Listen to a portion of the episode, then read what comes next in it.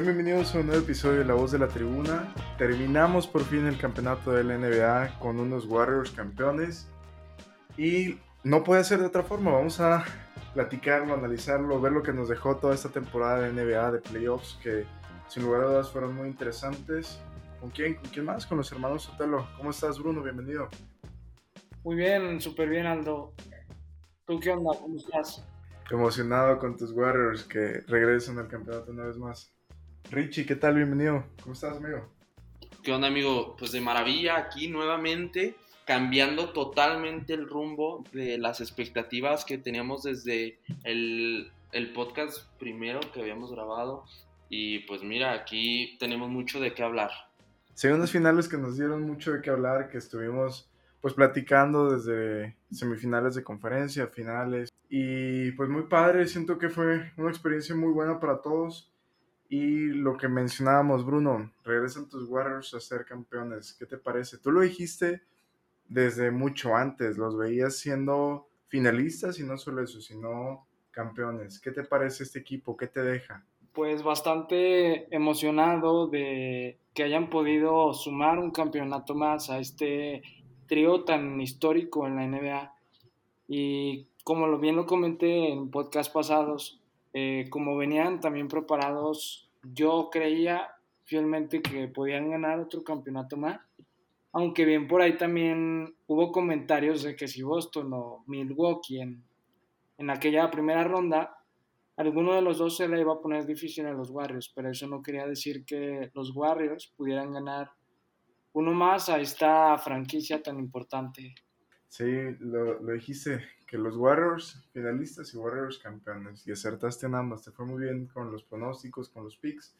Richie, ¿a ti qué te parece estos Warriors campeones? Que si bien al inicio decíamos que podrían ser los candidatos número uno llevarse el anillo, que partían como favoritos.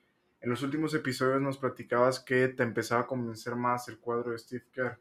Pues mira, la verdad, yo creo que desde que inició esta serie hasta que terminó, se fueron se creó una expectativa totalmente errónea de lo que iba a ser. Entonces yo creo que, mira, en cuanto al equipo de Warriors, cumplió toda expectativa que nosotros pudimos plantear en esta, tanto en nuestros pronósticos, tanto en nuestra, nuestra visión de juego que iba a tener respecto a Celtics. Y yo creo que pues tuvo un gran juego. No se puede negar que tuvieron un gran récord y sumaron pues un nuevo título y pues también ya conforme avance esto hablaremos de pues lo frustrado que se vio Celtics en estos juegos y que le otorgaron básicamente el título a Warriors de una manera más fácil de lo que se veía venir. Ambos pronosticábamos, Richie, siete juegos. Decíamos que nos gustaría que esta serie se fuera a siete partidos, lo cual se vio complicado. Después yo siento que el, se rompió anímicamente los Celtics en el partido que pierden en su casa. Mencionamos también la racha que tenían desde enero, que no perdían dos partidos seguidos, me parece que desde marzo y antes de eso en enero. Y ahora pierden tres partidos seguidos. La serie estaba 2 a 1 a favor de Boston. ¿Por qué crees que pasa esto? Mentalmente, ¿qué crees que pasó con los Celtics?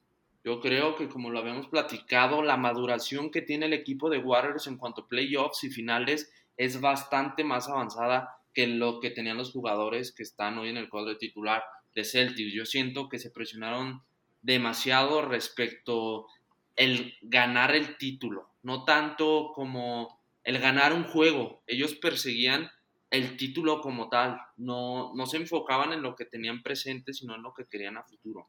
Entonces yo siento que hubo cierta presión, tanto psicológica, tanto social, porque ellos mismos, Celtics, crearon una expectativa muy grande de la lucha que iban a dar respecto, respecto Warriors, perdón. Y pues fíjate, y como lo vimos, pues creo que se frustraron y dieron un juego totalmente opositor a la expectativa que dieron de principio. Me gusta esa parte que mencionas sobre la presión porque también los ponemos como principales candidatos, pero al inicio en las líneas en Las Vegas los Warriors eran los favoritos. Después cambia esta parte para los Celtics y decíamos también un poco sobre el hype que giraba alrededor de este equipo. A final de cuentas, Bruno, los Warriors logran salir adelante. ¿A ti qué te parece que pasó con estos Celtics que pierden tres partidos seguidos como no pasaba a lo largo de la temporada. Total desconcentración de su jugador base, como lo fue Tatum, que era quien contagia a este equipo de Boston para que los demás puedan jugar bien. A pesar de que las estadísticas, como lo estamos comentando, estaban muy a favor de Boston, hay que recordar que Boston es el equipo, o si no uno de los equipos más famosos de la NBA, que tiene una trascendencia enorme y por lo tanto ese apoyo iba a estar persistiendo a pesar de que ganaran todavía los Warriors. Pero bien, este, les servirá de experiencia más adelante y claro que en un futuro me gustaría ver los campeones a, a estos jugadores, Jalen Brown y Jason Tatum, que siento que son los jugadores que son el futuro de esta franquicia. Sí, hay, hay mucho de cierto en esa parte de la experiencia, en sus primeras finales, las primeras finales de Jason Tatum, las primeras finales de Jalen Brown Incluso la primera temporada del coach Udoka para todos fue, siento que cumplir más allá de la expectativa inicial que había en la temporada. Eso por una parte, pero también mencionas sobre el bajón de juego que tuvo Jason Tatum. ¿Crees que se quemó, por ejemplo, en el juego 7 contra el Miami Heat o en el juego 7 contra los Milwaukee Bucks? Porque también es cierto que los Celtics tuvieron unos partidos en postemporada, series más difíciles, más duras que los Warriors. ¿Crees que también hubo mucho por ahí con el cocheo o que no es tanto por ahí, sino simplemente frustración? Bueno, comentaba también el factor de cansancio que estamos comentando. Este, jugaron dos juegos siete y darle mucho mérito también al jugador de, de los Warriors, este Wiggins, que ha tenido una excelente temporada y ha desarrollado ese talento que le faltaba en su carrera, que fue la ofensiva, aportar bastante al equipo y excelente defensa para sobre Tatum, que no lo dejó hacer mucho en estos partidos y siento que fue un factor súper importante para estas finales. Me quedo también con esa parte, Bruno. Ricky, ya pasando a los finalistas, a que ganaron los Warriors y demás, Stephen Curry se lleva tres premios esta temporada. No es algo fácil, se lleva el MVP del, Juego de Estrellas, se lleva el MVP de las finales de conferencia, que es un premio nuevo que se va a partir de esta temporada, y se lleva el MVP Finals. ¿Crees que fue una temporada completa de Stephen Curry incluso para darle el MVP de temporada regular? ¿O que sí hay espacio para debatir en eso? Mira, yo creo que como tuvo gran juego, no podemos dejar y monopolizar los premios a un solo jugador porque sabemos que, que pues hay bastante competencia en esta, pues en esta gran liga, que es la liga más grande en cuanto a baloncesto. Entonces yo siento que mm, obtuvo lo que merecía. Y no olvidemos que también se convirtió en el tirador de, bueno, el, tira, bueno, el jugador con más triples anotados en toda la historia. Entonces es, un, es otro galardón que Stephen Curry obtuvo, pero pues mira, yo creo que se va satisfecho esta temporada porque fue una temporada muy chida en cuanto al juego de Stephen Curry porque obtuvo bastantes galardones, como tú ya lo mencionaste. Entonces yo creo que obtuvo lo que tuvo que merecer, así como otros jugadores como Nikola Jokic, que estuvo el MVP de la temporada regular. Entonces yo siento que pues cada jugador y cada equipo obtuvo lo que merecía y pues no se le quita el mérito de que fue un gran jugador. Sí, creo que es, es importante también esta parte de no concentrar todos los premios hacia un jugador, al menos en, en esta liga. Bruno, sé que Curry es tu jugador favorito de la NBA y se pone en duda, bueno, se corta esa duda que existía sobre los anillos, que si lo habían cargado en años anteriores, que si había sido porque estaba lesionado LeBron James en el 2015, que si fue porque llegó Kevin Durant, pero esta temporada él demostró ser el líder de ese equipo. Él llevó a ese equipo a las finales con otros jugadores, sí, con mucho peso, mucho apoyo, pero él siendo el líder. ¿Crees que ya se rompió esta falsedad, por ejemplo, de que Stephen Curry no puede ser campeón solo? ¿O qué te deja esto? Porque ya igualó en anillos a LeBron James, tiene cuatro. Y siendo el trío con más anillos en, la historia de la NBA. Cuatro anillos junto a Draymond Green y Clay Thompson. Pues básicamente fue un factor, este, Curry para mí, en, en mi opinión, súper importante y fundamental para estos Warriors ya que lo lideró a pesar de que todavía Clay Thompson estuviera tomando el juego otra vez, entonces digamos que no estaba aún al 100% como lo vimos en playoffs pasados. Igual con la desaparición en estos, en estas finales de Raymond Green en tanto a puntos. Entonces ahí podemos encontrar este y comentar que Curry fue un factor fundamental para este equipo que aportó bastante a, los, a las piezas jóvenes y piezas que fueron agregándose al, al plantel. Y bueno, siento que por fin se le dio ese reconocimiento a pesar de, de los últimos años que estuvimos viendo que no, no tuvo lo que esperaba. Top 10, top 5 de la NBA, para ti en qué lugar está Curry y alrededor de quién? Histórico en la NBA, hay bastantes jugadores que han hecho cosas tan importantes en esta liga, entonces lo extendería a un top 10 para poderle dar lugares a jugadores tan históricos que comenzaron la liga en los 60, 70, que si bien no tienen tanto mérito por la evolución de la liga, siento que tienen ahí que guardarse un lugar por la época en la que se ha evolucionado este juego, como Karim Abdul-Jabbar, símbolo histórico en Milwaukee. Siento que hay que comentar a esos jugadores que aunque el juego sigue evolucionando. Sí, también creo que Stephen Curry entra dentro de un top 10 histórico, que ya tiene muy bien merecido ese lugar. Richie, ¿tú qué crees de esto? ¿En qué lugar podríamos poner a, Stephen Curry en la lista histórica de la NBA? En la lista histórica de la NBA yo lo pondría en un top 5 y voy a decir algo controversial para la gente que nos escucha, pero un experto analista de la NBA que se llama Bill Simmons publicó un artículo donde para el mejor guardia de la NBA a Stephen Curry ya lo está poniendo incluso por encima de Kobe Bryant. Y aquí podemos decir que hay mucho que decir o desear sobre Stephen Curry respecto a Kobe Bryant, así como viceversa, porque las opiniones son subjetivas. Pero dentro de un ranking, yo sí pondría a Curry en el top 8, yo lo delimito un poco más, de toda la historia de la NBA, porque claro, como dice mi hermano, el juego ha evolucionado. A lo mejor jugadores anteriores de los 90s, 80s tenían un juego en el cual se ha desarrollado más para estos momentos y se han diversificado, no sé, las acciones defensivas, ofensivas, o se ha desarrollado más el juego que ya se tenía antes y ya no, entre comillas, por usar una palabra común, a pantalla tanto el juego anterior. Pero a como ha evolucionado la liga hay muchos jugadores que entran dentro de este ranking, pero Curry se queda en el top 8. Me gusta, me gusta mucho esa, esa parte, Ricky, que mencionas. Y sí, sin lugar a dudas, Stephen Curry pues, cambió el estilo de juego en la NBA, el estilo de triples, y lo vemos cada vez más que, que jugadores se ven influenciados por este tipo de juego, lo cual, como lo dices Ricky, antes no se veía, no veías jugadores tirar 5 o 6 triples por partido y actualmente pues esto es influencia de jugadores como los Splash Brothers, y los, incluye a los dos en esta influencia de, del estilo de juego y, ¿por qué no? También Steve Kerr que pues propicia mucho eso. Les quería preguntar también un poco sobre las decepciones que llegamos a tener en esta temporada, eh, al menos en los playoffs. ¿Qué equipos creen que dejaron mucho de ver o que pudieron llegar quizá un poco más lejos? Comienzo contigo, Ricky.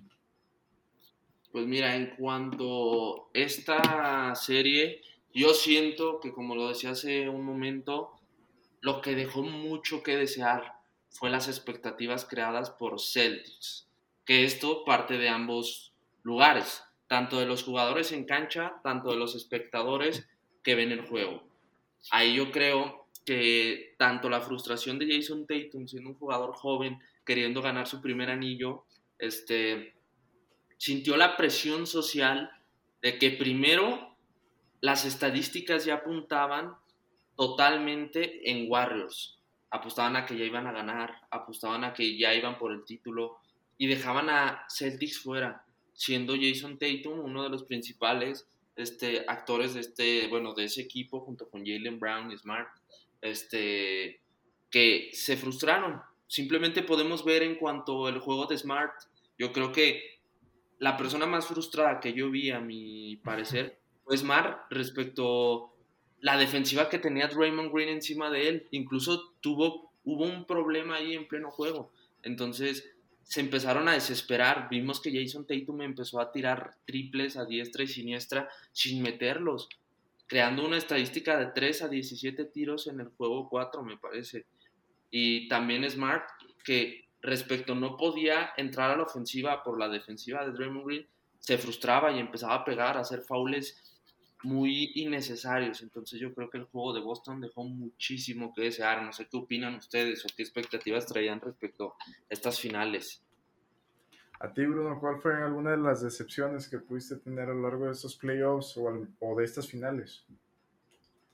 Bueno, yo te, podía te puedo comentar un, un, equipo que para mí de los mejores actualmente, que es Milwaukee Bucks, que viene de ser campeón actualmente en la 2020-2021 que si bien les tocó un rival sumamente difícil que fue Celtics, por ahí ese juego siente, siento que pudieran haber hecho mucho más y poder extender esta franquicia por lo menos a una presencia más en las finales de NBA. Entonces yo me quedaría con eso. A mí también me decepcionó un equipo en particular y fueron los Phoenix Suns. Creo que era un equipo que dio mucho de qué hablar, al menos en la temporada regular que se apagó completamente en los playoffs. Fueron el mejor equipo a lo largo de la temporada con 64 victorias y se acaban, se termina esta magia en postemporada. Y lo, lo platicamos también, Bruno, una última llamada para Chris Paul y su búsqueda del anillo creo que me decepcionó. Eso en, en la postemporada y en la temporada regular, sin lugar a dudas, los Lakers. Los Lakers fueron la decepción más grande de esta temporada junto con los Brooklyn Nets, que a final de cuentas sí se lograron meter a postemporada, pero fueron el único equipo que fue barrido en, en postemporada. Entonces, son dos equipos, bueno, tres equipos que decepcionaron para mí mucho. Y Ricky, con respecto a las finales, lo que me decepcionó principalmente fue la banca y las rotaciones de los Celtics. Dejaron mucho que desear y al menos en el último partido, en el juego 6, al medio tiempo tenían un déficit de menos 67 puntos cuando jugaban en banca, en rotación. Entonces me decepcionó mucho. También me platicaba Ricky sobre Jason Tatum. ¿Qué te parece esta estadística que se convierte en el único jugador en la historia de la NBA en tener más de 100 pérdidas de balón? Pues mira, yo creo que como vimos y algo que me sorprende mucho es que el récord de mayor turnovers en, la, en finales lo tenía LeBron James, pero recordemos que LeBron James tiene una trayectoria y es el jugador que está creando la longevidad dentro de la liga.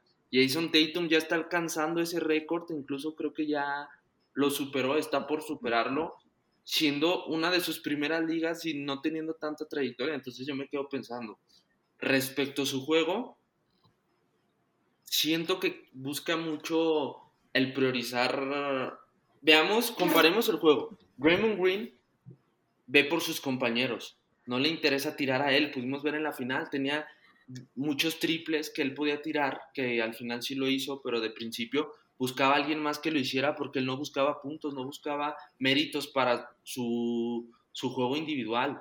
Él buscaba ganar el juego aunque él no jugara. Aquí yo lo que vi respecto a Jason Tatum y todas sus pérdidas de balones eran por frustración el buscar puntos para él, el buscar méritos para él y no para su equipo. Entonces cuando deja de ver para su equipo y comienza a ver para solamente él, es cuando se dan este tipo de errores. Siento que también se ve muy presionado Jason Tatum y la presión que mencionaste también, la presión social, la presión deportiva que llegó a sentir de querer al menos levantar su primer nivel, lo afectó demasiado. ¿Alguna estadística, Bruno, que a ti te haya causado por ahí eh, ruido, al menos en esta postemporada, en esos playoffs o en esta serie? Bueno, comentar la, la última instancia, que son las finales. Récord históricos. Eh, uno, Curry y Clay Thompson se convierten en los mayores anotadores de triples en playoffs. Después, por otro lado, se convierten con el siendo el mejor trío en ganar campeonatos. Bueno, claro, emparejando a San Antonio con cuatro, con victorias de 21, si no me equivoco, 21 victorias de finales de NBA con este trío tan importante que ha trascendido. Y bueno, por otro lado, mencionar que la franquicia se posiciona como tercer lugar en mayores campeonatos de la NBA, quedando atrás a Chicago y claro, a San Antonio.